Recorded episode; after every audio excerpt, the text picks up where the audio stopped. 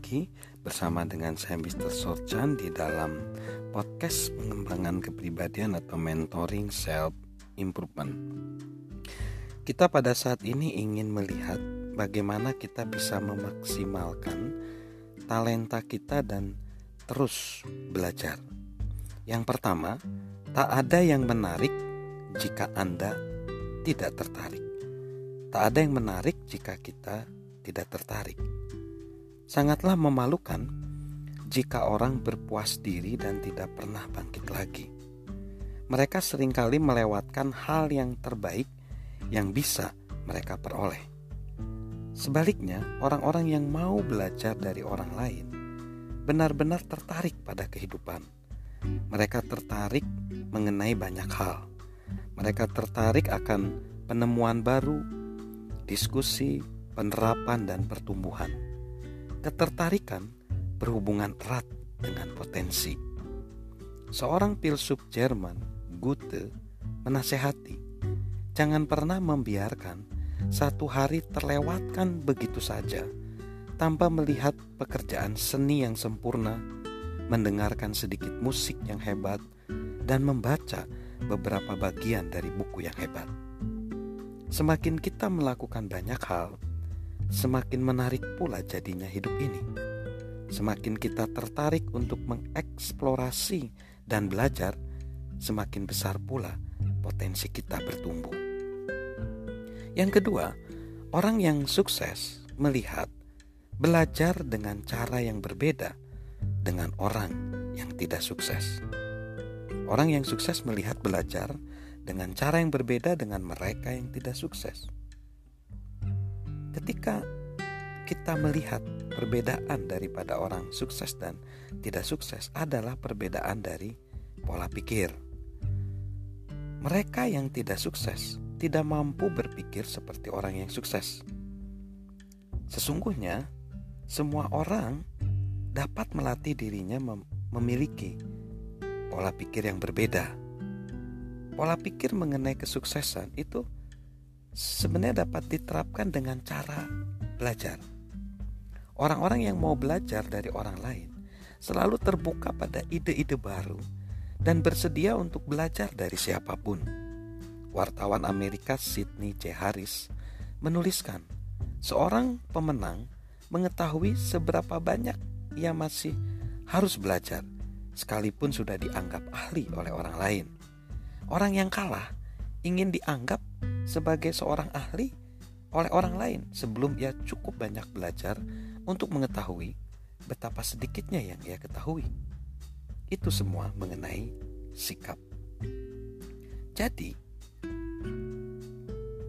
sebenarnya masalah sikap ini adalah masalah pola pikir. Lalu yang ketiga, belajar itu harus dilakukan seumur hidup. Dikatakan oleh ilmuwan Roma, Cato, mulai belajar bahasa Yunani ketika ia sudah berusia lebih dari 80 tahun. Ketika ditanyai mengapa ia mengambil tugas yang sulit itu di usianya, ia menjawab, itulah usia terawal yang masih tersisa. Berbeda dengan Cato, ada sangat banyak orang yang melihat belajar sebagai suatu peristiwa, bukan proses.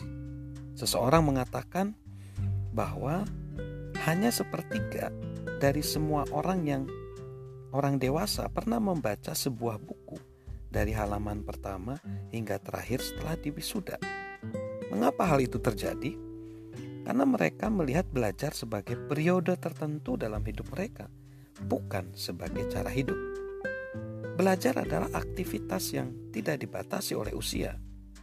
Tidaklah menjadi masalah apakah kita telah berusia lebih dari 80 tahun seperti Cato atau bahkan belum mem memasuki masa remaja. Penulis Julio Melara baru berusia 11 tahun ketika mulai mempelajari pelajaran utama dalam hidup ini yang akhirnya ia bawa sepanjang hidupnya dan digunakan untuk mengajari orang lain. Berikut ini adalah beberapa hal yang ia pelajari yang diambil dari bukunya It Only Takes Everything You've Got. Listen for a Life of Success. Inilah daftar dari semua pekerjaan yang tidak akan kita temukan dalam resume kita namun dapat bertahan seumur hidup kita. Pemotong rumput ini adalah pekerjaan pertama dia ketika dia berusia 11 tahun. Pelajarannya penting untuk membuat hasil kerja kita terlihat profesional dan bersih. Kasir di toko makanan setempat. Pelajarannya memastikan jika saya akan menjual sesuatu, barangnya harus ada. Pencuci piring di restoran setempat, pelajarannya selalu ada orang yang harus melakukan pekerjaan yang tidak seorang pun ingin melakukan. Selain itu, kebanyakan orang menyisakan makanan mereka di piring, di piring mereka. Mereka tidak menyelesaikan apa yang mereka awali. Petugas kebersihan di sebuah bangunan perkantoran. Pelajarannya, kebersihan itu penting terutama jika dihubungkan dengan citra. Oke, untuk menggoreng dan menyiapkan makanan di sebuah restoran stick. Pelajarannya, persiapan itu penting dan penyajian yang tepat mempengaruhi banyak hal. Asisten tukang, yaitu memindahkan kayu dan barang-barang dari satu tempat ke tempat lain. Pelajarannya, saya tidak ingin melakukan hal ini seumur hidup saya. Tenaga pemasaran koran. Pelajarannya, pekerjaan ini penuh penolakan. Saya harus mengetuk setidaknya 30 rumah sebelum bisa menemukan satu orang yang ingin berlangganan. Petugas administrasi pengiriman barang di kantor pemasok perpipaan. Pelajarannya, menyerahkan pekerjaan atau layanan Anda tepat waktu sama penting dengan menjualnya. Koki sarapan di restoran 24 jam. Pelajarannya, saya belajar untuk melakukan 15 hal sekaligus. Saya juga mempelajari hal-hal aneh yang disukai orang untuk dimakan dengan telur. Pencuci mobil di toko variasi. Pelajarannya, detil itu penting. Mencuci versus mendetil. Anda cukup membayar 15 dolar jika mobil Anda hanya dicuci luarnya saja. Namun Anda harus membayar 150 dolar jika ingin mobil Anda dan juga semua detilnya dibersihkan luar dalam. Detil itu merepotkan namun berharga. Penjual sepatu di sebuah toko retail.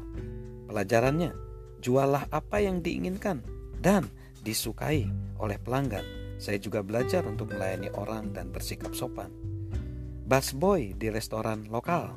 Pelajarannya, orang suka untuk dilayani dengan senyum dan meja yang bersih. Setiap tahapan hidup memiliki pelajaran yang harus kita pelajari. Kita dapat memilih untuk bersedia mempelajarinya dari orang lain dan terus belajar, atau kita dapat berpikiran tertutup dan berhenti bertumbuh. Keputusannya ada di tangan kita. Salam sukses luar biasa dari saya, Mr. Sorchan.